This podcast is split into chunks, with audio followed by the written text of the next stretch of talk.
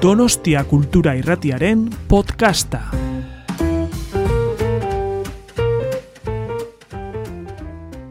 Venimos a presentar El peligro de estar cuerda, el último libro de, de Rosa Montero, como, como, sabréis, así que lo primero, aunque ya vosotras y vosotros lo habéis hecho mejor que yo con ese aplauso, pues yo también le voy a dar la bienvenida, como decimos aquí, Onguietorri, Rosa Montero, ¿qué tal estás? Muy bien, muy bien, encantada de estar en, en Donostia, que me encanta, que es un sitio eh, hace un momentito le he enseñado a, a, a, Arancha, le he enseñado cuál es la foto que está en mi, en mi WhatsApp. Y es una foto de Pablo en la, en la calle mayor con la iglesia al fondo. Pablo y mía, de los dos, cuando teníamos 43 años. Y me he dado cuenta al llegar aquí que tenía, que, la, que, que tenía esa foto, que la tengo desde hace un montón de tiempo de, de foto de WhatsApp. ¿no? También Así que tengo mucha relación con esta, una relación de mucho cariño y de mucho pasado con esta, con esta ciudad maravillosa. También otra cosa buena es que Rosa ya ha sacado su foto, las vistas desde su hotel y os lo anuncio, hemos ganado a Bilbao, nuestra foto Mucho, es mejor. Por, por goleada, por goleada, porque estoy viendo la maravillosa concha, estoy viendo, bueno, impresionante, toda la gente escribiendo, bien, bien. Vistas maravillosas, verdaderamente. Hemos ganado, qué bien. Pues poca presentación creo que necesita Rosa Montero, pues una de esas escritoras que seguro que, que, ocupan vuestras estanterías, una de esas escritoras esenciales en el panorama nacional. También quiero mencionarla como periodista, para mí de las mejores por la parte que, que me toca. Gracias, Cuantísimas entrevistas que, que, se leen gustosamente y que, que os animo a que, a que lo hagáis. Y además, esta misma semana, miembro del jurado oficial de nuestro Cinema al Día, así que nada, en unos días Glenn Close va a ser su jefa. No está nada mal. El jueves estoy aquí otra vez. El jueves estoy aquí por 10 días. ¡Wow!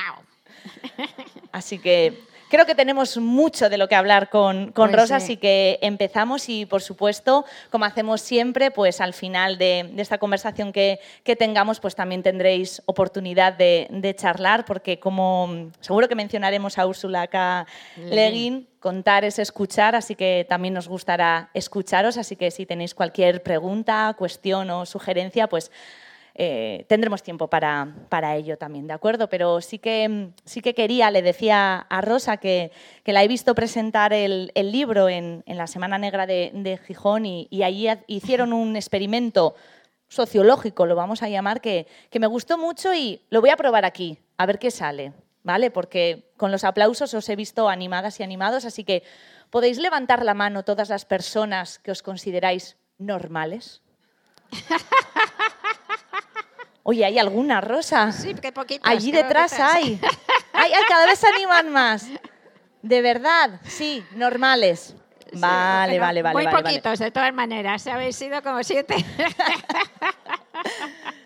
Bueno, por, por, primera vez nos alegra que haya tan pocas personas normales, porque como dice Rosa en, en el libro y como demuestra además, lo verdaderamente raro es ser normal. Así que lo siento por vosotras, pero no sois nada normales en este caso. Bueno, esto, lo, esto es, eh, lo dicen también eh, un, eh, un, estudio que se hizo en la Universidad de Yale en Estados Unidos, que es una de las universidades más importantes del mundo, y en 2018. Entonces concluye este estudio diciendo que lo que llamamos normalidad no existe, que no es más que la media estadística de todos los parámetros, de todas las posiciones ¿no? de la gente. Entonces es muy raro, por no decir prácticamente imposible, que haya alguna persona en el mundo que atine con esa media estadística en, todas sus, eh, en todos sus parámetros. ¿no? Así que todos somos divergentes en algo, todos. Claro que hay algunos mucho más raros, ¿no? Hay algunos más raros que otros, ¿no? Pero incluso esa gente, la más rara, la más rara que podáis pensar, pues seguro que hay otro puñado de personas que son iguales. y, eh, de modo que la normalidad no existe, lo normal es ser raro. Raro en, una, en un abanico de rarezas muy grande, ¿no? Y que, como os digo, además, sorprendentemente, sorprendentemente se repiten mucho. Yo siempre recuerdo una historia de una amiga, de unos amigos, que hace, esto pasó como hace 30 años, veintitantos años por lo menos, y entonces esta, esta mujer me parecía, y estoy segura de que lo era y que lo debe seguir siendo, aunque hace años que no la veo, una mujer de lo más sensata, de lo más serena, de lo más estable. Entonces un día me, me contó que, que, guardaba todos los recortes de las uñas de manos y pies en cajitas de cerillas. y que había mandado cuando se, que cuando se divorció le mandó una de esas cajitas a su ex. Bueno, entonces a mí me pareció tan, tan peculiar, tan peculiar esto, que lo, que lo conté en un artículo del país, del suplemento dominical, sobre rarezas. Y ahora viene lo más extraordinario, que hubo como cinco o seis eh, lectores que me escribieron diciendo que ellos hacían lo mismo. Eh, supongo que lo de mandar la caja de cerillas al ex no, pero lo de guardar las, las, las uñas, ¿no?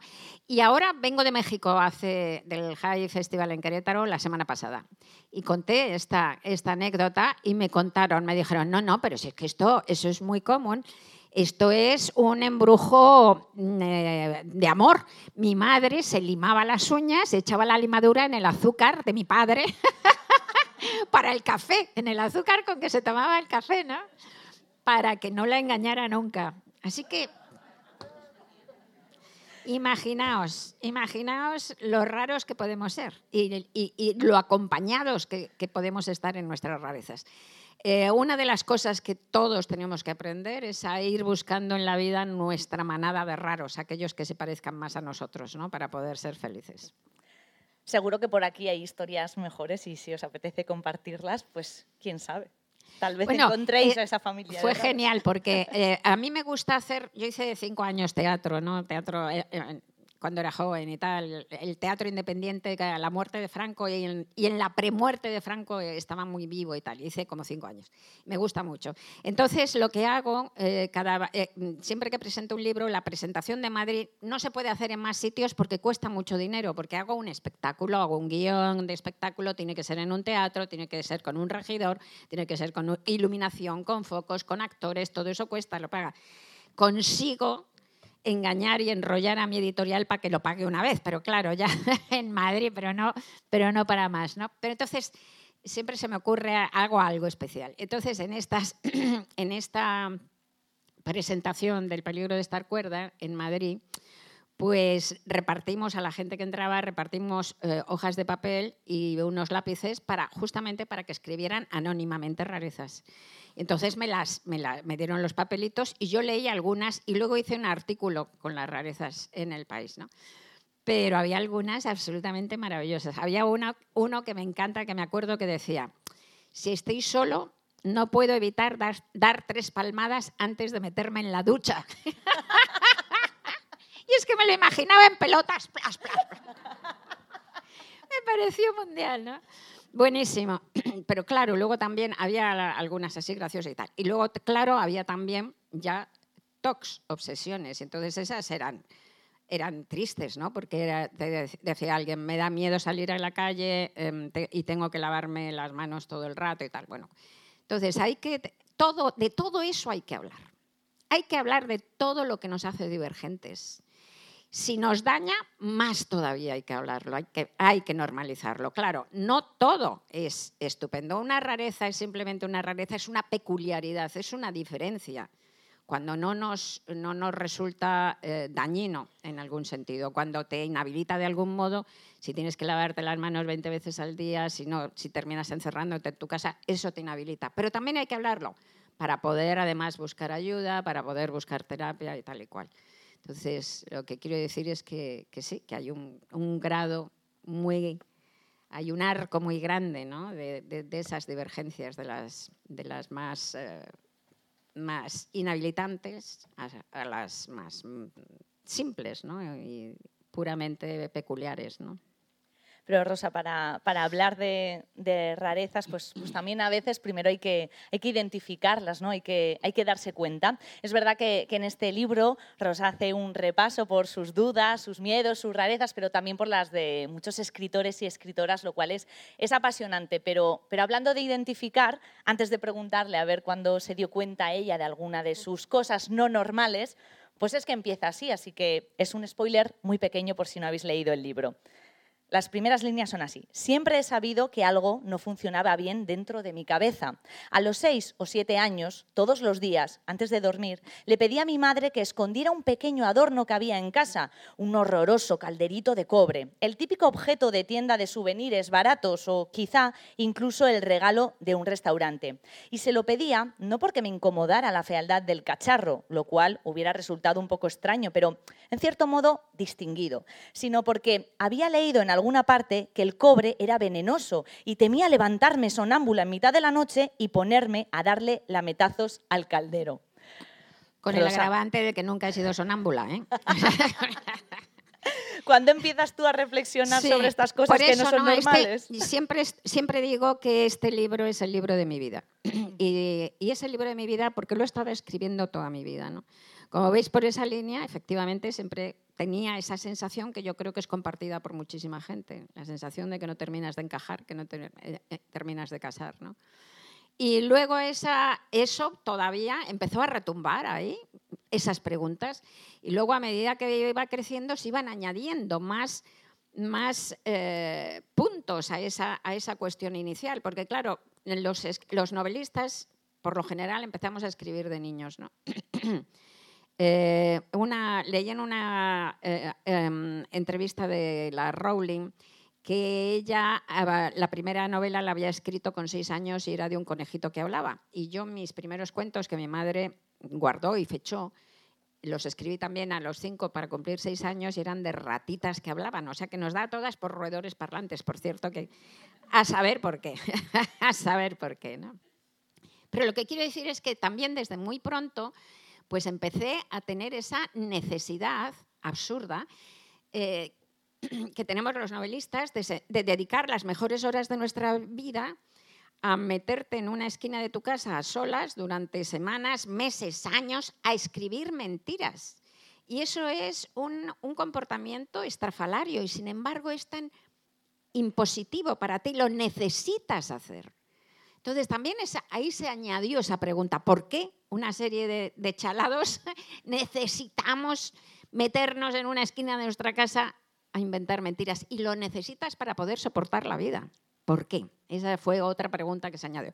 Luego todas estas, que ya retumbaban se convirtieron en algo más urgente cuando a los 16, 17 años tuve mi primera crisis de pánico.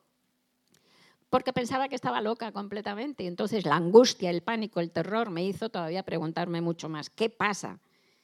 Eh, en mi época, en mi clase social y en mi época no te llevaban a un psiquiatra, ni de coña, ¿no? Entonces me he pasado, he tenido tres etapas de crisis de pánico que duraban cada una. No, la crisis no dura eso, la crisis dura minutos, pero entre que vas teniendo y van desapareciendo, pues año y medio o así. Entonces, año y medio, a los 16, 17, luego a los 21, luego a los 29, 30 la última, ¿no? Y entonces me las he pasado a pelos y no un solo ansiolítico, que, que, no es necesario, ¿eh? viva la química. O sea, creo que con un ansiolítico hubiera sido mejor. Lo que pasa es que también eh, tiene una parte positiva esto, y es que ese tipo de crisis, que estoy segura de que aquí hay gente que las conoce, porque son súper habituales, no solo las de pánico, sino también los ataques de angustia, que son primos hermanos pues ese tipo de crisis se pasan. Tomes ansiolíticos o no tomes, te, te creas que te va a dar un infarto o no te lo creas, se pasan. O sea, se pasan. Es, eso hay que tener la esperanza porque ese tipo de crisis se pasa. Yo lo que hice fue, eh, en aquella época, con 16 años, yo quería, sabía que quería estudiar periodismo y ser periodista, pero cuando me dio la crisis de pánico decidí que además iba a estudiar psicología para intentar entender qué me pasaba. Y estudié hasta cuarto, efectivamente, en la Complutense. Y tengo el convencimiento absoluto de que el 98% de los psicólogos estudian psicología porque piensan que están locos. Y no es mala cosa. No es mala cosa porque da una empatía y una cercanía con los pacientes, evidentemente. ¿no? Y el otro 2% deben de ser hijos de psicólogos que se los tienen peor, mucho peor de ser verdadera. Eso sí que lo tienen fatal. ¿no? Em, pero bueno, entonces ah, siempre han sido temas míos que han estado eh, dando vueltas por ahí, ¿no? ¿Por qué eh, tengo la cabeza llena de imaginaciones? ¿Por qué necesito sentarme em, horas y horas a escribir? ¿Qué, ¿A qué llamamos eh, locura? ¿A qué llamamos cordura? ¿Qué relación hay entre la creatividad y la locura? Que es un tema antiquísimo. Desde el principio de los tiempos lo han relacionado. Ya Aristóteles decía que era extraordinario comprobar cómo los hombres de genio tenían todos un exceso de bilis negra, porque entonces se creía que la bilis negra, eh, que un exceso de bilis negra era lo que te provocaba la locura. ¿no? Entonces, desde siempre se ha visto, se ha pensado que había esa unión. ¿no? Entonces, ¿a qué llamamos realidad? ¿Cuán fiable es la realidad? ¿Cuán, cuán manchada está la realidad de imaginación? ¿no? Entonces, todas esas preguntas han estado ahí retumbando hasta que hace... Y de hecho, pues en algunos otros libros míos, pues eh, he tocado, las he, tocado, he tocado partes de esos temas de pasada, como en La loca de la casa, que a pesar del título no es un libro sobre la locura, sino sobre la imaginación, o como en La ridícula idea de no volver a verte. Y luego también tengo muchos, tengo artículos, y luego también tengo bastantes personajes de mis de mis novelas que tienen trastornos mentales. En la última novela, por ejemplo, La buena suerte, la, la, la coprotagonista, pues, eh, pues es una mujer con trastornos mentales, la adoro, Raluca, para mí uno de los el personaje más luminoso que he escrito, ¿no? Hasta que, bueno, todo esto daba por ahí vueltas y estaba cociéndose ahí en mi cabeza hasta que hace como cosa de cuatro años o algo así, pues recibió un telegrama interior, ¿no? Porque tú no escoges los libros que haces, sino que los libros te escogen a ti, las historias te escogen a ti. Y ese telegrama viene del inconsciente, es el inconsciente el que te, manda a escribir esos libros, ¿no? Y de repente, pues un día me levanté y pasó una línea por mi cabeza diciendo, bueno, tu próximo libro va a ser ya definitivamente sobre creación y locura, ya de verdad, y va a ser un libro, un artefacto literario, porque yo tengo, por lo normal, hago novelas, ¿no? pero tengo con este tres libros que yo los llamo artefactos literarios y que son muy difíciles de definir. ¿no? Y que los libreros, ella ha sido librera, pues cuando los saco me preguntan, bueno, ¿y dónde, en qué mesa los pongo? ¿no? Lo pongo, ¿no? lo coloco, ¿no? En ficción, en no ficción. Yo les digo que lo pongan en novedades. ¿no? En el escaparate siempre. en el escaparate siempre, efectivamente. ¿no? Y que son mezclas, son, estos tres libros son La loca de la casa, La ridícula idea y este y el peligro de estar cuerda. Y que son una mezcla, por un lado, como de ensayo, pero que no es ensayo convencional. Por otro lado, de autobiografía, que tampoco. Por otro lado, de biografía de otros autores y tal, pero que tampoco. Y por otro lado, ficción también mezclada. Así que se agita todo, se pone unos hielos y se bebe frío. Y sale el artefacto. Decía Rosa que, que las historias te, te, escogen a ti y también a veces he escuchado que, que los libros hablan de, nosotras, sin darnos cuenta, obviamente, por, por, cómo los estamos leyendo. Y te quería eh, preguntar cuánto de eso ha habido en, en ti, ¿no? Porque mm, sabemos que, has devorado muchísimas biografías y eso se nota y mucho en, el libro. Entonces, claro, yo te imagino, ¿no? Tú dándole vueltas a, la cabeza a, esas cosas y encontrarte en una biografía de Virginia Woolf diciendo, por alguna razón que fui incapaz de averiguar, todo de repente fue irreal y quedé en suspenso. No podía saltar el charco, el mundo entero se volvió irreal. Esto es de Virginia Woolf. Esto, Virginia Woolf cuenta aquí su primer, eh, su primer ataque, de, su primer momento de trastorno mental. Y eso exactamente lo viví exactamente. Virginia Woolf tuvo problemas mucho más graves que yo, eh, tenía psicosis, cuando, tenía, eh, cuando estaba mal, pues oía a los pájaros hablar en griego. Em, tenía, realmente estaba, estaba muy mal y lo mío está en la zona de la neurosis, pero, pero eso es exactamente lo mismo que me pasa a mí, para que os hagáis una idea. El trastorno de pánico, este cómo es. yo estaba con eso, 16, 17 años, en el dormitorio, en el, comedor de la casa de mis padres, ¿no? Bueno, vivía con ellos, obviamente, ¿no? Y debían ser las 11 de la noche o algo así. Y supongo que tenía que recoger la mesa de la cena. Estaba sola, estaba la televisión encendida, mi padre supongo que se había acostado, mi madre supongo que estaría en la cocina, mi hermano, tengo un hermano, debería, supongo que estaba en algún lado, pero no, no lo tengo colocado. Y entonces estaba tan tranquila y sin que me diera nada, porque es que el trastorno mental eh, te asalta como un gigante que viene de fuera, te pega una patada y te saca de la vida, ¿no? Sin que me diera nada, sin que hubiera pasado nada. De repente la habitación se empezó a alejar al otro lado de un túnel negro. Ese es el efecto túnel y es bastante común, ¿no? Pero imaginaos que estáis ahí y de repente ese comedor hace y se vaya a lo lejos, al otro lado de un túnel negro. Y eso va acompañado de un terror absoluto, de un castañeteo de dientes, te chocan las rodillas, bueno, terror, terror total, no sabes a qué. E inmediatamente después se añade otro terror, este sí ya sabes a qué, porque piensas estoy loca. Porque claro, ¿cómo vas a justificar, a entender, a comprender, a denominar esto que te está pasando? ¿no? Entonces, esa, esa ese salirse del mundo, porque claro, si, el comedor se vaya lejos, el mundo se vaya lejos, tú te sales del mundo, que es lo mismo que le pasaba a Virginia Woolf. Cuando lo cuenta, cuando cuenta ella en, unos textos biográficos que tiene, pues ese primer momento de, estupor y de, enajenación, ¿no? Es exactamente igual, porque es que te sientes que, que dejas eh, que dejas el planeta Tierra, no sé, que dejas de pertenecer a, la humanidad, que dejas de ser un ser humano.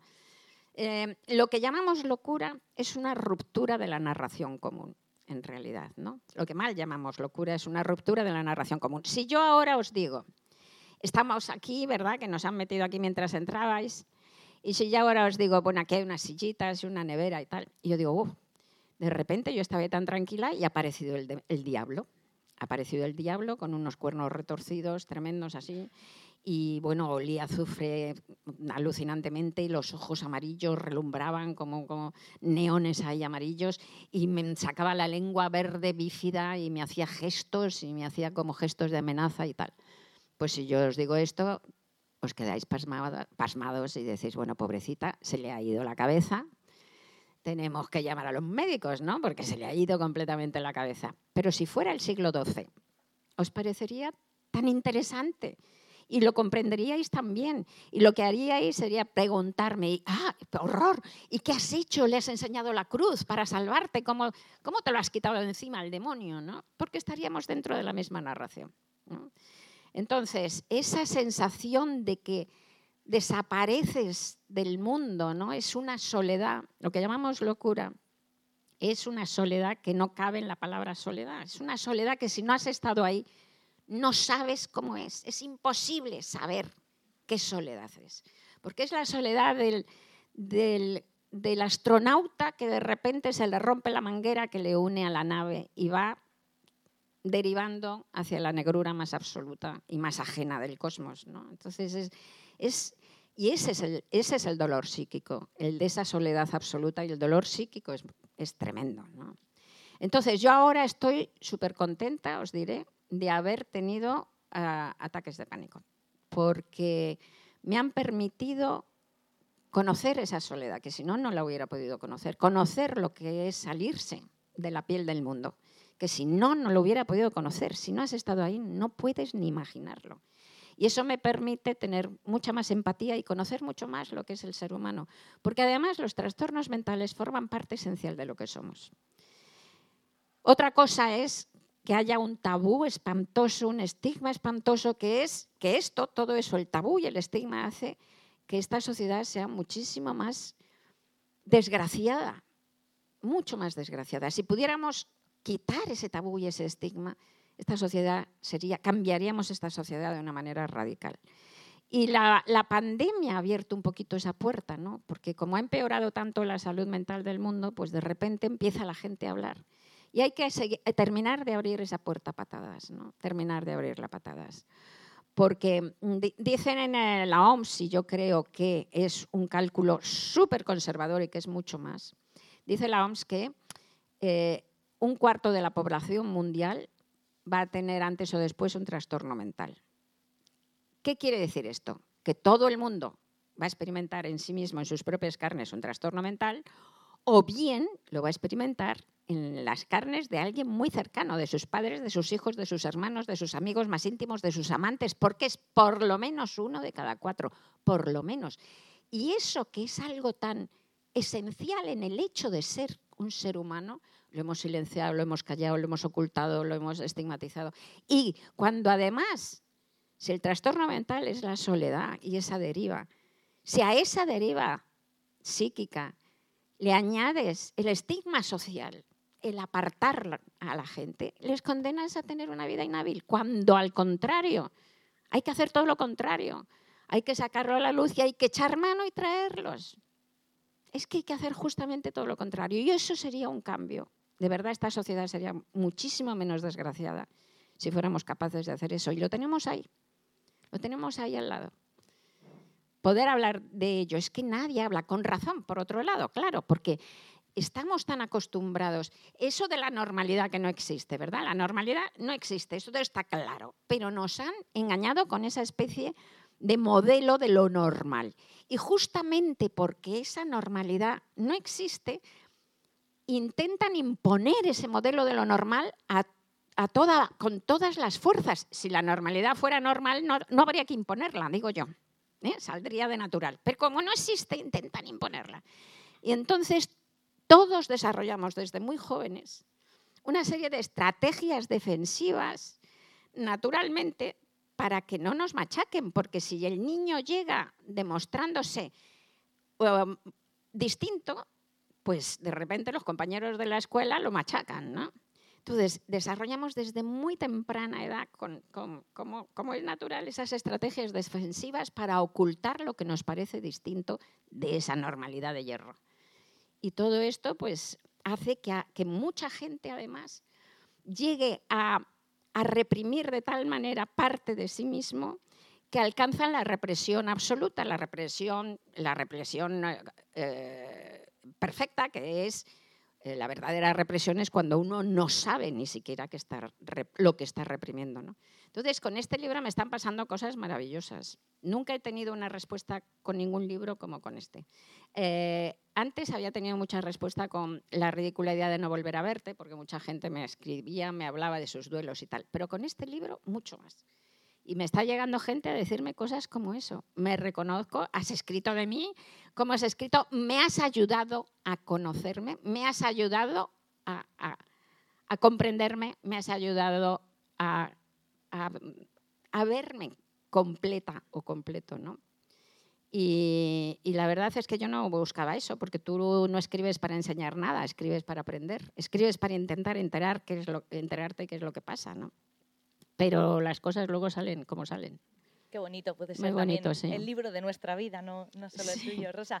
Y en, ese trabajo ¿no? que, dices de, aprender, de intentar entender, porque Rosa en este libro eh, se nota que, ha estudiado muchísimo, aporta muchos estudios, eh, palabras de, investigadores, psicólogas, bueno, hay eh, cantidad de, estudios que, que demuestran lo que está diciendo, pero claro, en ese mm, estudio de lo que es normal y unido con la creatividad, con la imaginación, como decías, ¿no? con, tu oficio de, escribir, claro, cómo cae, por ejemplo, encontrarse, ¿no? porque como te decía, ha estudiado a muchos escritores y a muchas eh, eh, escritoras y de repente, según un estudio sueco, los escritores tienen un 50% más de posibilidades de suicidarse que la población general. Y es así, porque seguro que que os viene alguna escritora o algún escritor a, la cabeza, ¿no? que conozcáis su historia y se, haya suicidado. Pero le decía antes a Rosa, es que la lista que aparece en el libro, solo voy a leer algunos, pero claro, es como dice ella, apabullante. Cesare Pavese, Jack London, Walter Benjamin, Alejandra Pizarnik, Foster Wallace, Horacio Quiroga, Alfonsina Storni, Gabriel Ferrater, Giles de Leuce, Kawabata, vamos, tantísimos, Silvia Plath, por supuesto, de la que, también se habla mucho. ¿Cómo, cómo se intenta? Pero no, hay que, no hay que, eh, tampoco hay que dramatizar, sin embargo, fíjate, porque primero, primero detesto eso, ese dicho, ¿no? Que que sostiene que es que para, hacer, para ser artista hay que sufrir mucho. Mentira, mentira. Primero, para nada en la vida hay que sufrir mucho.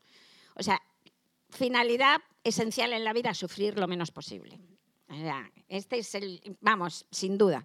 Y para nada se necesita sufrir, para nada. Como cuando dicen, no, no, es que el sufrimiento te enseña un cuerno, te enseña si no te mata, si no te destruye, porque te puede destruir. Y se puede aprender de maneras mejores que, a través del sufrimiento, ¿no? O sea que no.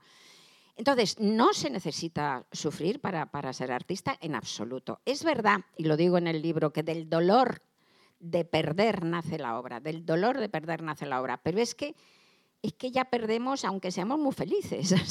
ahora imaginaos al hombre o a la mujer más feliz del mundo, al más feliz del mundo, a la persona más feliz del mundo.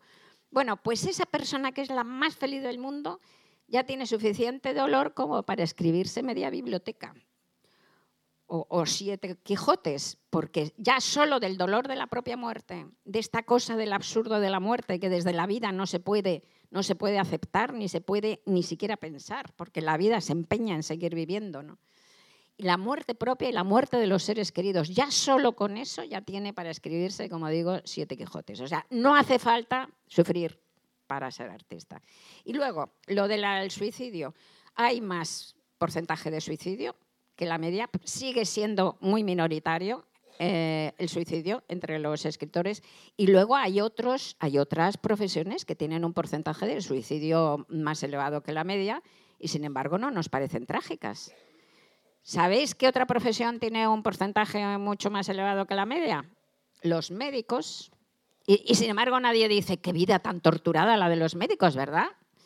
Como decimos, qué vida tan torturada la de los escritores. O sea, que no, no hay que dramatizar en absoluto. Vamos. Quizás porque lo romantizamos también, ¿no? Mal romanticismo. Mal romanticismo, porque no hay que romantizar el dolor, tampoco hay que romantizar la locura, lo que llamamos locura. Lo que solemos llamar muy malamente llamada, llamada locura es, suelen ser los trastornos psíquicos más graves, ¿no? la psicosis y tal. Y no hay que romantizarla porque es una enfermedad grave, es una enfermedad muy dolorosa, que algún día se curará. Estoy convencida, exactamente igual que el cáncer, porque es una enfermedad del cuerpo. Es una enfermedad del cuerpo. Toda la historia de la humanidad se ha pensado que la, locura, es, que los trastornos mentales son una enfermedad del cuerpo. Como os decía antes, Aristóteles, en la época de Aristóteles se pensaba que la locura era un exceso de bilis negra, una enfermedad del cuerpo como cualquier otra. Por desgracia, hace dos siglos, no se sabe por qué, de repente pasó a pensarse que los trastornos mentales eran, no tenían nada que ver con el cuerpo, que eran algo enigmático salido de no se, se sabe dónde, que además esto culpabilizaba al enfermo, claro. Y eso ha sido una catástrofe, ¿no? Pero es una enfermedad del cuerpo. Dice Eric Kandel, el premio Nobel de Medicina, que todos los trastornos mentales se deben a un fallo en el cableado neurológico que une las neuronas. Entonces puede ser que estén hiperconectadas o hipoconectadas, poco conectadas, o que haya parpadeos o que estén mal conectadas, todas. Todas. Entonces, eh, en algún momento estoy convencida que se va a curar al 100% lo que, todos los trastornos mentales, igual que en algún momento yo estoy convencida de que se va a curar el cáncer. Lo que sí eh, comparten todos los escritores, Rosa, es esa necesidad de escribir, ¿no? El cómo la escritura os cose a la vida de, alguna manera, ¿no? A la realidad. Es que esa es la cuestión, ¿no? La cuestión es que eh, una pregunta que yo me he hecho muchas veces, que yo me hice es por qué yo había dejado de tener eh, crisis de pánico, ¿no? Que las puedo volver a tener. Pero bueno, a los 30 años. ¿Por qué? Porque durante algunos años pues pensé que había sido porque había perdido el miedo al miedo. Y es verdad, es decir, llegué a perder el miedo al miedo, llegué a perder el miedo a que me volvieran a pasar. Y eso es verdad que ayuda, es una manera de, colocarlo. Yo creo que es un gran aprendizaje que tenemos que hacer todos, aprender a, a manejarnos y a vivir con nuestra maleta de oscuridad. Todos tenemos una maleta de oscuridad, unas más grandes, más pequeñas, pero todos. Aprender a vivir y a manejarnos con ella aprendí, vale. Pero ahora estoy segura con el tiempo de que lo que más, lo que fue más importante fue precisamente que a esa edad empecé a publicar ficción de manera regular y me empezaron a leer. Y es que eso te estructura y te une al mundo. Y lo vais a entender muy bien. Hay muchos, decíamos antes que esta cosa absurda de sentarte en una esquina de tu casa a inventar mentiras durante tres años, ¿no?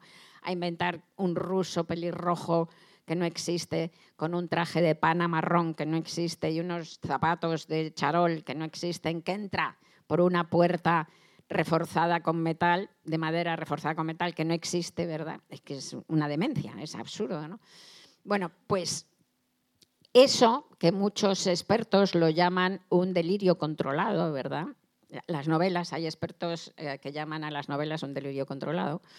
Bueno, pues entonces tú te pasas ahí tres años, pongamos, en ese rollo, que, que nace de lo, del corazón de tu oscuridad, nace del corazón de tu, de tu parte que es más, más distinta, más ajena, a esa parte que se desgaja un poco de la realidad, ¿no? Eh, y, terminas ese libro y lo pones, lo, lo, imprimes, lo publicas y lo pones en la calle. Y, entonces, si tienes suerte, pues tienes lectores. No hace falta que tengas eh, los 1.200 millones de chinos de lectores. Con que tengas unos poquitos lectores ya funciona. ¿no? Si tienes suerte, tienes lectores. Entonces te dicen, encuentras lectores que te dicen, yo esto que tú sientes, lo siento esto que te emociona, me emociona a mí. Y esto, esta manera que tú tienes de ver el mundo, la veo yo también. Y con eso te atan a la realidad. Es lo que os decía antes de ese, ese, ese eh, eh, cosmonauta que va a la deriva. Con eso te agarran y te traen a la Tierra y te cosen esa especie de fisura que tienes con la realidad. ¿no? que por cierto, además, yo creo que la tenemos muchos, ¿eh? que la tenemos muchos, porque el libro, en el libro, lo que llego a una de las teorías que tengo en el libro, a lo que llego a la conclusión, es que tenemos, eh, hay como un 15 o un 20% de la población que tenemos la cabeza cableada distinta, ¿no?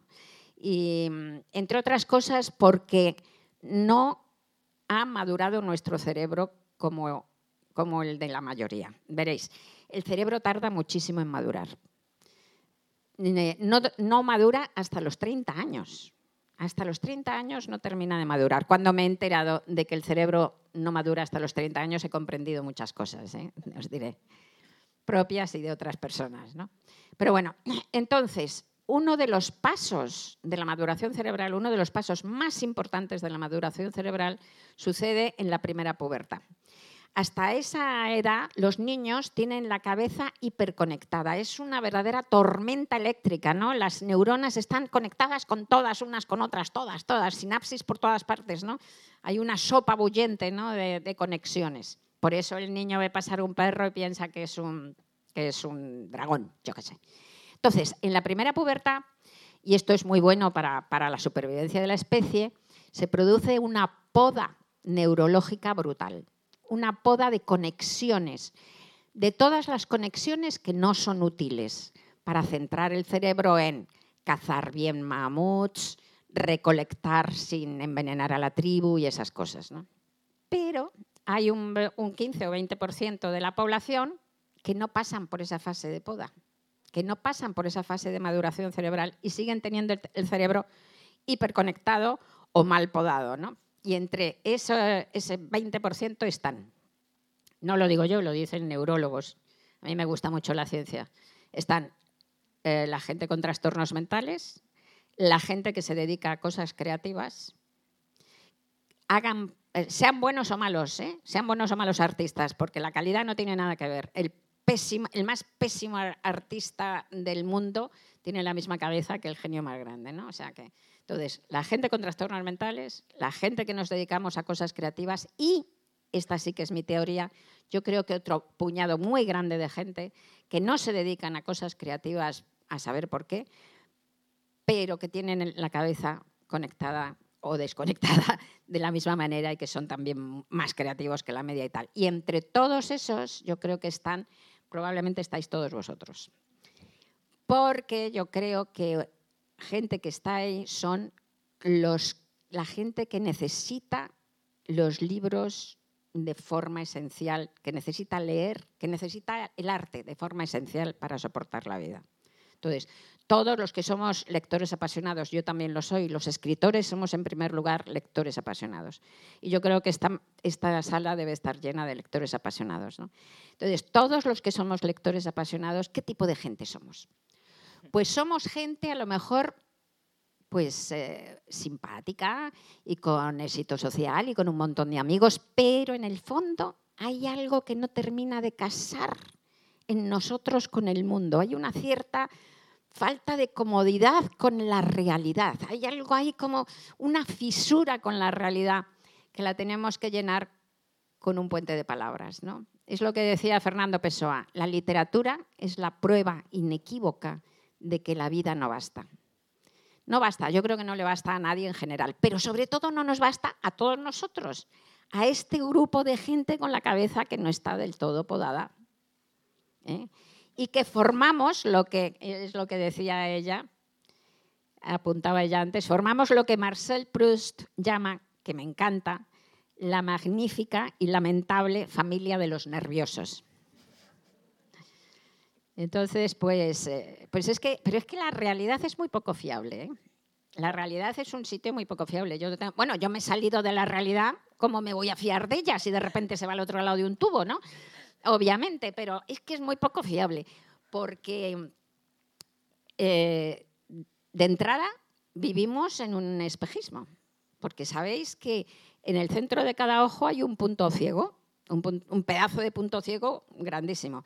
Allí donde el nervio óptico se inserta en la retina, el ojo no ve, no ve nada. Entonces, no os creáis que es un puntito como la punta de un alfiler. Ocupa ese punto ciego entre 2 y 4 grados del arco visual. Y la luna ocupa medio grado. O sea que imaginaos el pedazo punto ciego que tenemos en la mitad de cada ojo. Ahora, mirad para un lado mirad para otro lado, a que no se ve ningún punto ciego. Porque el cerebro se inventa lo que no vemos. El cerebro se inventa lo que no vemos. O sea que vivimos en un espejismo. Y esto es lo mismo con el glaucoma, que ya eso ya es más espeluznante. El glaucoma, sabéis que es una enfermedad muy insidiosa de la vista, eh, que consiste en que vas perdiendo visión periférica y se te va quedando la visión centrada en un tubo en un tubo central. Vale. Entonces la gente no se da cuenta, eh, por eso es tan peligrosa, no se da cuenta de que está perdiendo visión. Hasta que un día, a lo mejor, va a dar la vuelta a una esquina y para su zozobra y su sorpresa se pega contra la pared porque no existe la esquina.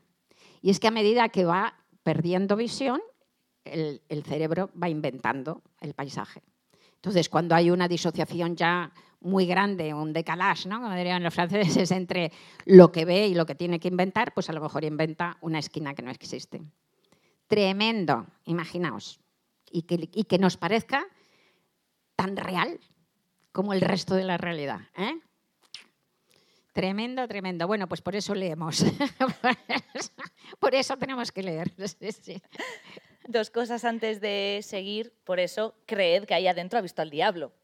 Y si no lo creéis es que a lo mejor está en vuestro punto ciego. Y luego eh, me ha encantado saber eso de que el cerebro no madura hasta los 30 años, más que todo porque hoy ha venido mi madre y la he visto a sentir con tranquilidad, como diciendo, ahora lo entiendo todo, así que lo siento, no es culpa mía. ¿Dónde está tu madre? Ahí. Levanta la mano, madre. Hola. Es normal. Es ¿Qué hay? ¿Qué no, tal? Es, no es culpa mía, es, es la ciencia. Em, bromas aparte, Rosa, eh, en, en, este libro, como, como decíamos, eh, repasas ¿no? muchos de, de, tus libros, también uniéndolos ¿no? con, con sí. lo que le va sucediendo a otros escritores y, y escritoras. Seguro que, que, estas personas que están aquí, que son apasionadas de la lectura y seguro que también de la lectura de, de tus libros, quieren saber de, de ese proceso de, escritura un poquito más, ¿no? Cómo, es Rosa escribiendo, que de eso también hay, ese, si hay el síndrome de la impostora, hay dudas, no, hay perfeccionismo. No, no. cuando yo doy talleres y esas cosas de escritura, lo primero que digo, que lo primero que hay que hacer es... Eh, callar, amordazar y a ser posible desterrar al enemigo interior, que es, que es horroroso, ¿no? Ese enemigo interior que es el que te susurra, no vales, no sirves, vaya mierda lo que has hecho, para que te esfuerzas con todos los libros buenos que hay. Ese nadie nace aprendiendo, a escribir se aprende escribiendo, entonces, pero ese enemigo interior es tremendo y por supuesto que lo tienes siempre. Vas creciendo y vas armándote un poquito contra él, ¿no? Pero teniendo por lo menos más, yo que sé, un escudo, pero aún así es tan listo y tan insidioso, ¿no? Porque a mí me llegan y me dicen ahora, pues, pero hombre, has tenido, has escrito no sé cuántos libros, te han dado no sé cuántos premios. Ya, ya, pero el enemigo te dice, es que antes sabías escribir, pero ahora ya no sabes, ya, ya has perdido, la, ya no tienes, no, has perdido todo, ¿no? Ya no vas a poder escribir nunca nada con sentido y tal, y esas cosas. Entonces, es muy, eso lo conocemos también todos los de la familia de los nerviosos, ¿no? Esa especie de, Sí, sí, de inseguridad patológica que hay que intentar realmente pues, eh, pues echarla fuera, ¿no? Porque es que es una inseguridad completamente absurda, ¿no? O sea, que. Pero es tan pertinaz, ¿no? Es tan pertinaz. Y luego, pues, eh, escribir, escribir. Fijaos que este libro, claro, claro, si quieres de repente, que es lo que yo quise, como digo, hace cuatro años, me dije, bueno, pues ya de una vez me voy a meter con este tema tan importante para mí a fondo. Entonces, ¿qué es lo que hice? Pues empecé a releer libros que recordaba que había leído toda mi vida, que me habían gustado, empecé a releerlos, buscarlos, releerlos, tomando notas, porque cuando los leí no había tomado notas.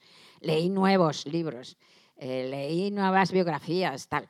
Tiene, este libro tiene, para, para poder investigar el tema, pues tiene cuatro patas, como, hemos dicho antes, pero bueno, una son los, los expertos. Entonces, pues ah, he leído cosas de neurólogos, de médicos, de psiquiatras, de psicólogos, de especialistas en cosas raras como adicciones y tal. Bueno, esa es la columna de expertos, ¿no?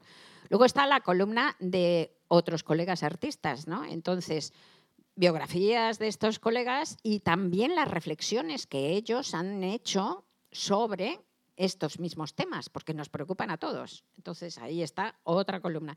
Luego hay otra muy importante que es la, introspección. La introspección te enseña muchísimo, pero para todo, no solo ya para este libro, para todo, porque claro, si queremos saber lo que es la vida, tenemos un estudio de primera mano que somos nosotros mismos. Pero para que ese estudio valga, tenemos que ser feroces, es decir, implacables en la observación. Tenemos que, ser como el entomólogo que estudia un escarabajo. Tienes que ser tu propio escarabajo de estudio, ¿no? tu propio objeto de estudio. Y eso es lo que he hecho. Es un libro que no tiene nada que ver con... A veces me dicen con este libro, ay, pero es que te has abierto en canal. Yo no tengo esa sensación en absoluto. En absoluto. No es un libro testimonial, en absoluto. No es un libro en el que, en el que yo llego y digo, a mí me ha pasado esto, sino que digo, nos pasa esto. Las cabezas funcionan así. Y cuando, cuando digo algo mío, lo pongo de ejemplo. Y cuando cuento algo mío, cuento de otros autores lo mismo que les ha pasado. O sea, que lo pongo en, en, en paralelo con lo mismo con otros autores, porque estoy intentando entender cómo funcionan las cabezas de la gente, nuestras cabezas, las cabezas de todos, no, no la mía ya. Porque ah, una cosa que, se dice en el libro todo el rato y que se repite es que hay dos verdades, que son las dos verdades, aunque sean opuestas. Verdad número uno, todos somos iguales, y es cierto. Dentro de cada uno de nosotros estamos todos, y qué maravilla que todos seamos iguales. Y verdad número dos, todos somos distintos. Y es verdad, cada uno tiene su pequeña peculiaridad, su pequeña manera de estar frente al mundo, y qué maravilla, ¿no? Qué excitante poder pasearte por las cabezas para intentar entender desde dónde ven el mundo, ¿no? Esa pequeñísima visión particular, ¿no? Así que entonces, pues ya se me ha olvidado de lo que estaba hablando, así que puedes preguntar. Así la dejo hablar algo a la pobre. Sí, sí, sí. Así. Bueno, entonces, entonces hice todo, reuní todo ahí, un montón, montonazo de documentación brutal, brutal. Eh, cuatro cuadernos enteros así enormes de notas, luego montones de, cartulinas con más notas, con, organigramas. Llegué a apuntar más de 80 temas, cada uno distinto, de su padre y de su madre, que quería tratar en el libro y extendí todo eso encima de la mesa de la cocina. Y me lo quedé mirando con un desaliento absoluto, porque, bueno, durante dos días creí que llevaba como dos años trabajando en ello y creí que iba a tener que tirar esos dos años porque no, no veía, era un bosque impenetrable de datos, no veía por dónde meterle mano. Y el enemigo aquí, no, no, no. Exacto. Entonces, y era tremendo, ¿no? Y no es la primera vez que ya he tirado algún libro, o sea que podía pasar, ¿no? Entonces, estuve a punto de, tirar la toalla hasta que tuve una idea esencial. Y la idea esencial fue decidir que no iba a hacer este libro con la cabeza, con la razón, con la inteligencia, como se hace un ensayo, ni muchísimo menos, que lo iba a hacer exactamente igual que una novela.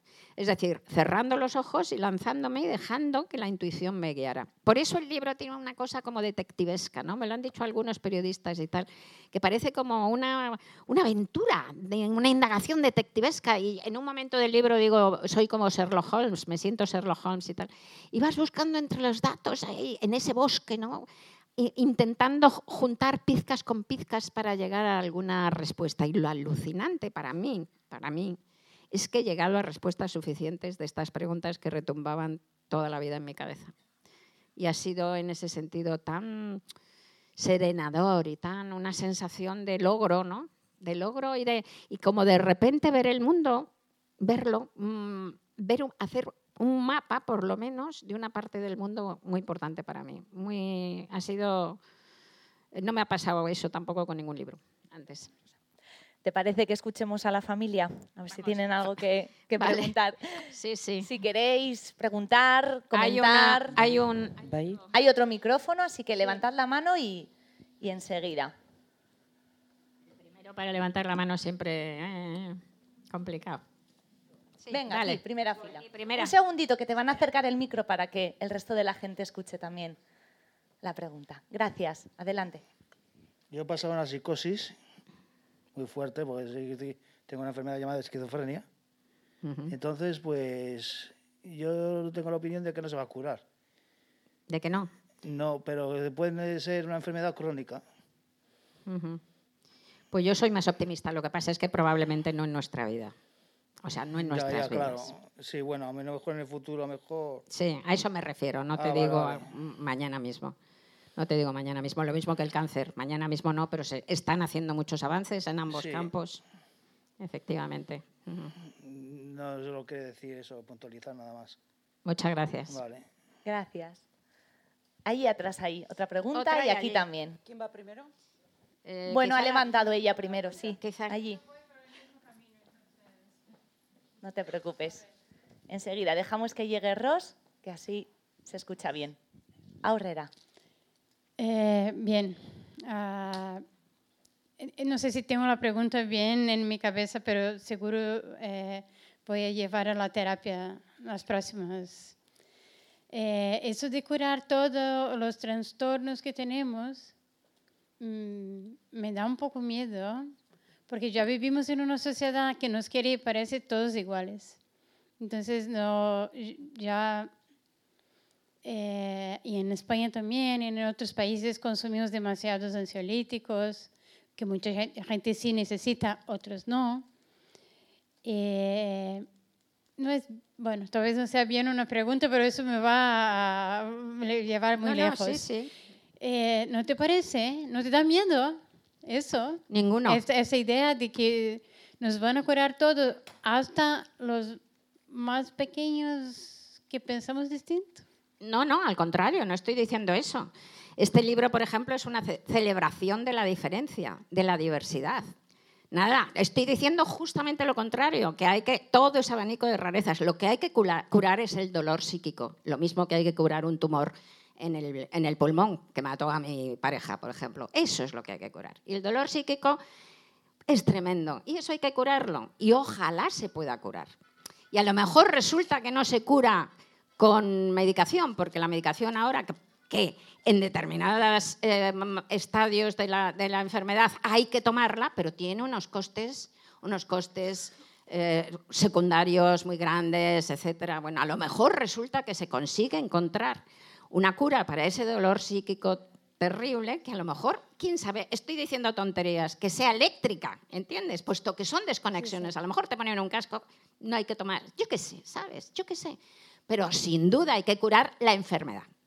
La enfermedad, cuando la enfermedad es inhabilitante, cuando la enfermedad te hace daño, hay que curarla.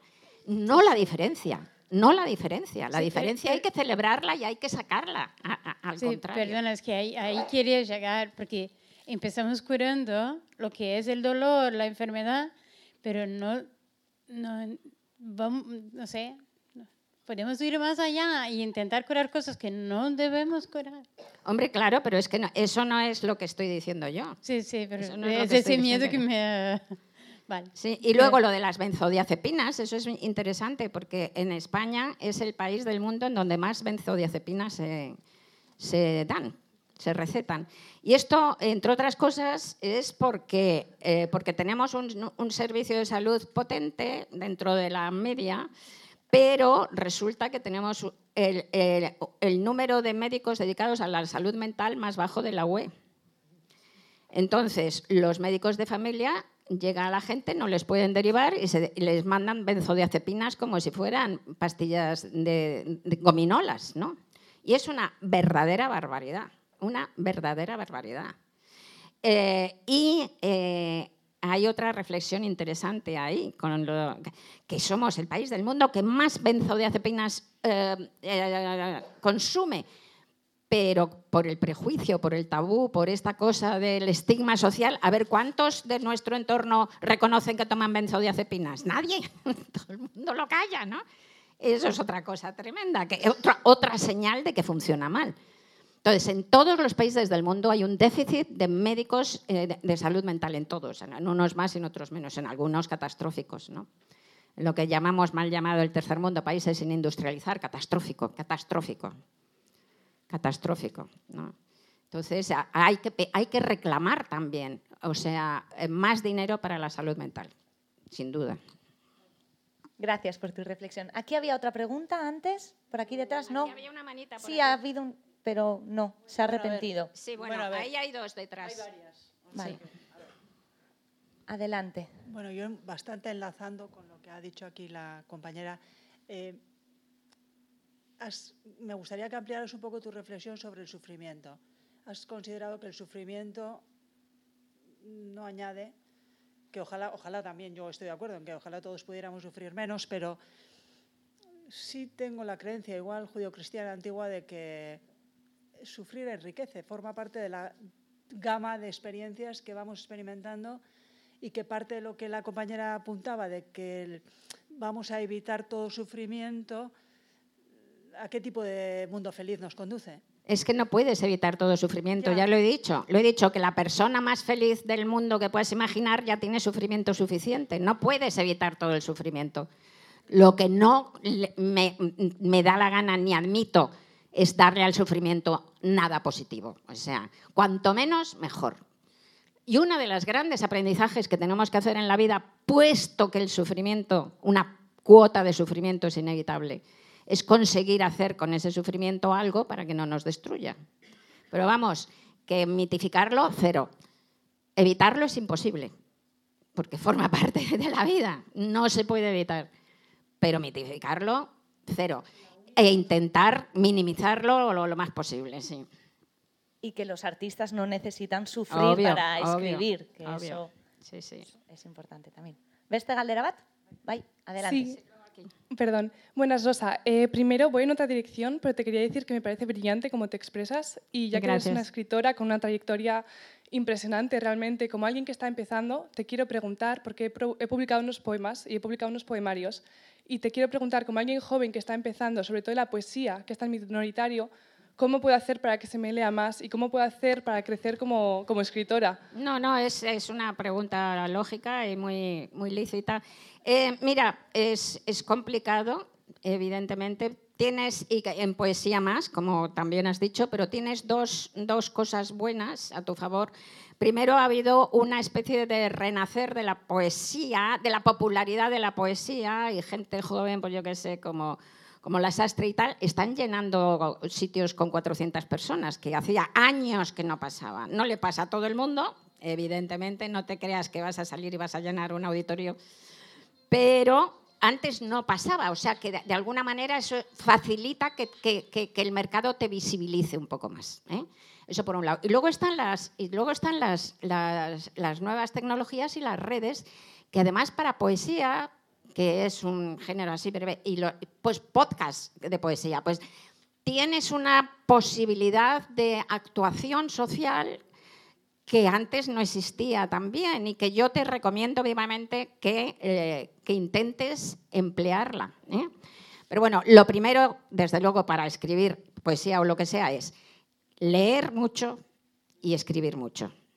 Y después, para intentar que eso funcione, pues ya te digo, intenta ponerte, utilizar las redes e ir haciendo ¿no? una especie como de, de sí, sí, de léame este poema tan bueno, tan bonito y tan barato. ¿no?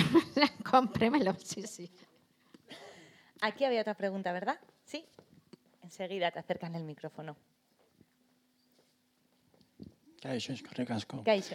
Eh, yo sobre todo Agradecer el libro. Eh, agradecer el libro por la, bueno, la sabiduría y la inteligencia que tiene, ya venía de antes, pero la afectividad con la que se muestra eh, a todos los escritores, sean artistas buenos, sean artistas malos, que tienen enfermedades mentales, que han pasado por muchísimo sufrimiento, que es cierto que estoy de acuerdo con que no hay que romantizarlo con que no hay que sufrir para hacer cosas bellas, pero que el acercamiento ha sido tan cariñoso, tan compasivo en el buen sentido de la palabra, no en el sentido condescendiente, que se agradece. Eh, yo tengo un trastorno psíquico también.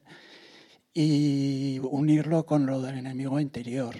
Es decir, tú te has acercado a la gente con esos problemas con mucho más cariño que lo que quizá ellos se acercaban a ellos mismos, ¿no? O yo, por ejemplo, puedo pensar de mí mismo, hombre, si esta persona está comprendiendo a una persona con enfermedad psíquica y está estigmatizándola menos que yo me estigmatizo a mí mismo, ¿no? O que yo me, me castigo a mí mismo, me avergüenzo de mí mismo y ella, lejos de avergonzarse o de hacer amariguismo, se acerca con compasión o con comprensión o con afectividad. Entonces yo eh, agradecerlo y, y dar pues la, la, enhorabuena. Yo creo que eh, te he seguido bastante, te he seguido bastante. Yo creo que es el libro de tu vida, es una obra que recomendaría a cualquiera, eh, tenga problemas o no los tenga.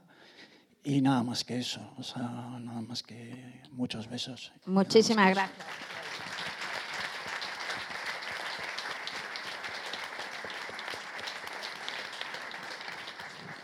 Sancho en Rabella, que además es escritor, escribe de maravilla, dicho sea de paso.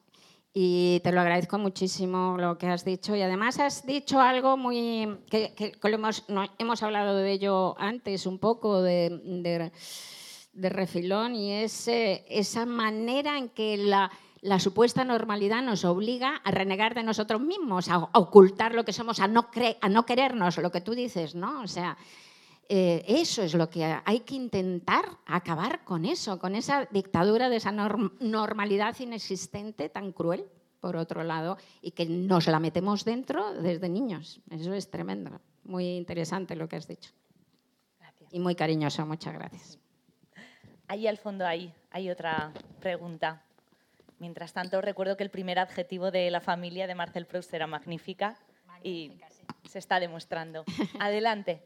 Hola Rosa, muchas gracias por la presentación. Em, te quería preguntar, en torno a muchas de las cosas que se han dicho aquí, ¿no? ¿sería capaz de la sociedad crear una sociedad que sana? Porque creo que uno de los problemas grandes que hay no es solo que estas interconexiones o que tengamos unos problemas X a la hora de enfrentar. Hay gente que puede ser más sensible a algún tipo de problema o no tiene las herramientas necesarias para enfrentarlo, caen en depresiones o todo tipo, desde bipolaridades, psicosis, neurosis, de todo tipo, ¿no? de las que soy bastante familiar, por suerte o por desgracia diría, por las dos. Em, ¿Sería posible crear sociedades que sanan? Porque uno de los problemas que veo en torno a la normatividad que decías antes, ¿no? es esta cosa de que tenemos que encorsetarnos que ser todos de una manera muy concreta. ¿Sería posible que entre todos ayudáramos a los demás a estar bien? O sea, creo que es algo muy necesario que, que realmente es muy estructural. Muchas veces de los, los, problemas mentales de la gente es algo que lo genera el propio sistema en el que vivimos. Absolutamente. Absolutamente es lo que estoy diciendo. Es que hay que intentar reivindicar la diferencia, en primer lugar. ¿no? Y segundo, hay que intentar romper... Eh, en diciembre del 21 escribí un artículo de esos de final de año que te piden en el periódico que decía que 2021 había sido el año de la salida del armario del trastorno mental, porque por eso que hemos dicho antes, ¿no? Por, porque gracias a la pandemia con un coste muy alto, porque ha empeorado tanto la salud mental del mundo que es alto. Bueno, pero es que es un es, es nada, es un cachito que se ha abierto así y eso tenemos que, como he dicho antes, patear para, para abrirlo del todo, porque es un cambio posible, es un cambio posible la de la, la de la admisión de la diferencia y es un cambio generador de una, de una transformación social bestial. Porque si además realmente se educa y se, en, esa, en esa pluralidad ¿no? de la diferencia es que quitas también, bajaría el acoso infantil, bajarían tantas cosas horribles de esta maldita sociedad. ¿no? Y a mucha gente con trastornos mentales harías que su vida fuera plenamente hábil. Isaac Newton tenía delirios psicóticos y, era Isaac Newton. Somos hijos de Isaac Newton. Marie Curie era mm, depresiva y quizá posiblemente bipolar, ¿no? Era Marie Curie. Entonces, es que, es que, es que estamos desperdiciando mm, un capital y estamos torturándonos socialmente como sociedad unos a otros de una manera absurda. Conciencémonos de esto, ¿no? O sea, porque realmente creo que es un cambio esencial que podemos hacer. ¿Más preguntas? ¿Comentarios? Un segundito, que si no, no te escuchamos. Gracias. Eh, no, vendía bien para los medios de comunicación ahora están con la guerra eh, con lo de la Isabel. Sí. Con la guerra de Ucrania con Isabel sí sí. Sí es que pasan de una cosa a otra y se olvida echando leches. Sí sí es verdad. Pero pero por otro lado siguen ahí, por ejemplo. se puede abrir esa, Se está abriendo, pues ya ves que ahora están saliendo este año, han salido un montón de libros, curiosamente, que están tratando de los temas de salud mental. Por ejemplo, el de, el de Ángel eh, Martín, el de Ángel Martín, que está muy bien, ah, por si vuelven las voces. No sé si lo habéis leído, es muy interesante. pues es muy interesante. Y, eh, y hay montones más. O sea que lo que hay que hacer es en nosotros mismos, ¿no? Con la gente que tenemos al lado. O sea, es que es otro comportamiento. En uno de estos actos, de repente, intentar entender, intentar ponerse en el otro lugar, intentar comprender. En uno de estos actos que tuvimos, de repente se levanta una, una mujer como, no sé, tendría cincuenta y tantos años, sesenta. Y me dice, no, es que claro, muy bien, porque es que claro, es que yo, claro, yo tengo, yo tengo una depresión y entonces a mí no me entienden porque mi amiga, señala a su amiga que estaba al lado. Mi amiga me dice, me dice que es que yo no quiero salir y que eso se arregla pintándote y saliendo y haciendo un esfuerzo por salir. Ponte tu parte, eso es muy malo. Claro, entonces, entonces la amiga se levanta, la amiga se levanta y dice, con la mejor de las intenciones, pero con una ignorancia tremenda, ¿no? Y dice, no, pero es que claro, porque yo también lo he pasado muy mal en la vida, pero yo entonces me esfuerzo y Dice, es que no es lo mismo pasarlo muy mal tener una depresión. O sea, si tú tienes, hay que intentar explicar esto a la gente, que es básico, y si lo explicas, ya actúas distinto. Si tú tienes una hepatitis, estás con, una, con un cansancio de tal calibre, con una hepatitis, que no te puedes menear de la cama, no te puedes levantar de la cama. Ahora, no llegamos al tío que tiene una hepatitis diciéndole, pero tú eres un hepatitico de mierda, eres un vago, levántate de la cama. No le decimos eso, ¿verdad? Pues a esa persona con depresión tampoco se le puede decir eso. Pero hay que explicar que es así. Y como no se ha hablado de esto nunca, entonces hay que hablarlo también entre nosotros. Es que es como una gota, ¿sabes? Esto es hablar, sacarlo a la luz, eso es lo más importante. Hablar, decir cómo se siente uno, eh, explicarlo. Y no sentirse, como decías antes, Anchón, no sentirse implacable con uno mismo, al contrario, al contrario. Exacto. Bueno, gracias. Gracias. y en muchos casos también leer, ¿no? que también siempre... están saliendo muchos libros, está, está muy bien. ¿eh? Mirad esos libros que están saliendo, que están saliendo muchos, que están muy bien. Estaba pensando en, anteriores como el papel pintado amarillo, ah, que bueno, también es extraordinario. otras cosas. hay, muchas lecturas. ¿Más preguntas? Norbaitek galderaren bat egin nahi du, komentarioren bat, euskeraz ere, lasai esan eta nik itzuliko dut. mientras lo pensáis por si acaso, voy a dejar la última pregunta en, barbecho, pero sí que quería, Rosa, antes de despedirnos, pues preguntarte también por el Cinemaldi, por ese Festival Internacional de Cine. Que empieza el viernes. Eh, no sé, cuéntanos cómo, cómo ha sido todo bueno, cuando pues te llaman. Y... Pues sí, veréis. Yo es que, eh, como os he dicho, para mí... Eh, eh, Donostia es algo que está muy en mi corazón y entre otras cosas porque yo trabajaba cuando empecé como periodista en, la revista Fotogramas, que entonces era eran los últimos años del franquismo, y era la revista más moderna y trepidante que había en España, se editaba en, en, Barcelona y era semanal. Ahora creo que sigue saliendo, pero mensual. Pero entonces era... Entonces eh, yo me cubrí para Fotogramas, que era una revista de cine, cubrí el Festival de San Sebastián como cuatro veces o cinco veces. Con 20, 21, 22, 23, imaginaos, ¿no? Los años 70. Hay un dicho que dice, si te acuerdas de los 70 es que no los viviste. Bueno, pues yo los viví, os aseguro. O sea, entonces, y el festival de cine. Y yo con 20 años, con 21, es que fue, era trepidante, o sea, de no dormir, todo amores, desamores, mm, películas y más amores, todo, todo, todo fantástico. Entonces siempre me quedó esa cosa dulce, dulcísima. Y luego me han llamado, ya de mayor, claro, he sido jurado del Festival de Valladolid, he sido jurado del Festival de Málaga, pero, pero yo lo, que quería era San Sebastián, ¿no? Entonces, pues hace dos años, de repente, una vez vi una cosa, un anuncio, bueno, algo del festival, en un periódico y de repente escribí un tuit ¿no? que dije, una de las más grandes alegrías de mi vida sería que me llamaran para ser jurado del festival. Y me llamaron. Tampoco lo hagáis ahora todas a la vez, ¿eh? que no puede ser. ¿El qué? A ver si todo el mundo va a escribir un tuit y el pobre Rebor se va a ver con overbooking. Sí, sí, y me llamaron y es, y, y, y, bueno, y es verdad, de verdad como uno de los grandes sueños de mi vida uno de los grandes, grandísimos sueños de mi vida y de las mayores ilusiones. Y ahora os voy a decir un ejemplo del enemigo interior. Esto que es para mí como cuando me lo dijeron hace pues eso, un año, dije, ah, bien, tal, una, una ilusión enorme, una alegría. Ahora estoy, el enemigo interior está jodiendo diciendo, bueno, con esto, entre la pandemia, lo, ocupada que has estado. A mí me encanta el cine, pero has visto muy poco cine en estos últimos dos o tres años. Eh, vas a llegar, vas a meter la pata, no vas a estar a la altura. ya me está jodiendo el enemigo interior.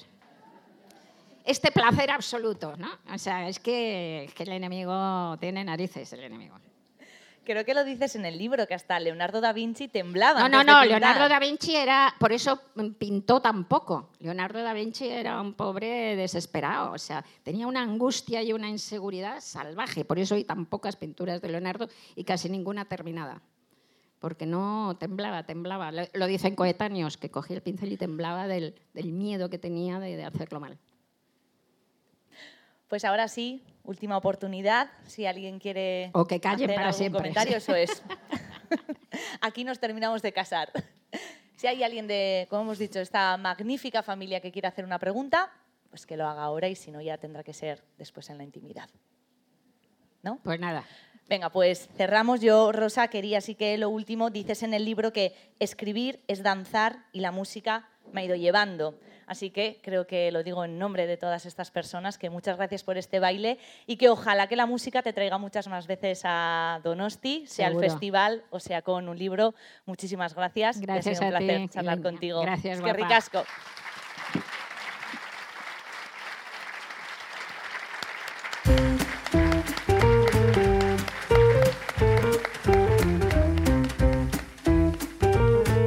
Donostia Kultura Irratiaren podcasta.